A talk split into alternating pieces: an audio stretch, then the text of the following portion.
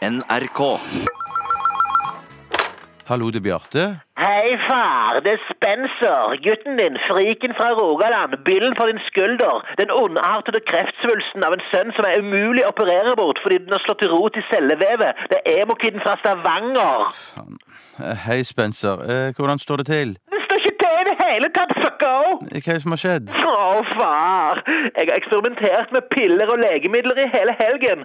Black Rose, Ingalil, Facefuck, Shitbrain, Dead Eyes og alle de andre emo-kidsa på skolen fikk jeg oppdrag å ta med alle medikamentene foreldrene våre hadde hjemme i pilleskapet. Og så møttes vi i skogen bak skolen, puttet alt i en bøtte og åt alle pillene og skylte det ned med batteri og Red Bull mens vi festet natten lang og hørte på My Chemical Romance. Ha-ha-ha, det var moro, far. Det er det verste jeg har hørt, Spencer. Herregud, far! My Chemical Romance beskriver en virkelighet som mange unge kjenner seg igjen i og identifiserer seg med i dagens samfunn anno 2009.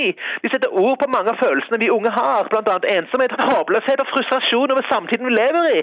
Mange unge føler seg ignorert og oversett av foreldregenerasjonen og ønsker å bryte med den konforme voksentilværelsen. Det er derfor vi kler oss i spesielle klær, sminker oss med liksminke, farger håret svart og lilla, piercer oss og velger en alternativ livsstil og vil dyrke det mørke og darkness, far. Du, Jeg driter i hva slags musikk dere hører på, men det å blande medikamenter, det kan være livsfarlig. Å, var det det du mente? Sorry, jeg misforsto deg, assmuncher. Men det er vanlig at fedre og sønner misforstår hverandre.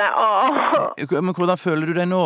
Jeg tror jeg har fått i meg noe Ritalin, sovetabletter, Viagra, Pinex Forte og fluortabletter. For jeg har vært veldig våken, veldig trøtt, har, hadde og har fortsatt et knallhardt og purpurfarget kjønnsorgan, men ingen smerter. Men tennene mine er friske og sterke. Men du, hvor lenge har du hatt ereksjonsspenser? Cirka 54 timer! Ja, men Du må gå ned til helsesøster på skolen med en gang. Å, jeg vil ikke gå til en heksehore. Jeg tar bare på meg en parkas og går krumbøyd, så er det ingen som legger merke til at jeg har ereksjon. Jeg trodde de trange, trange drainpipes-buksene mine var vanskelig å ta av og på i utgangspunktet, men herregud!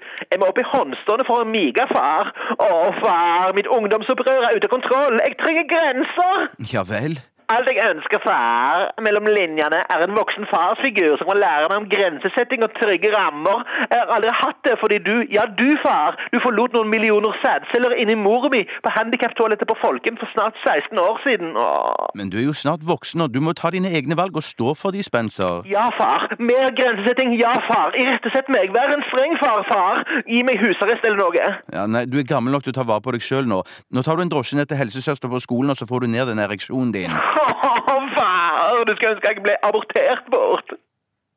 Altså, nei da, Spencer, det, det er å ta litt hardt i.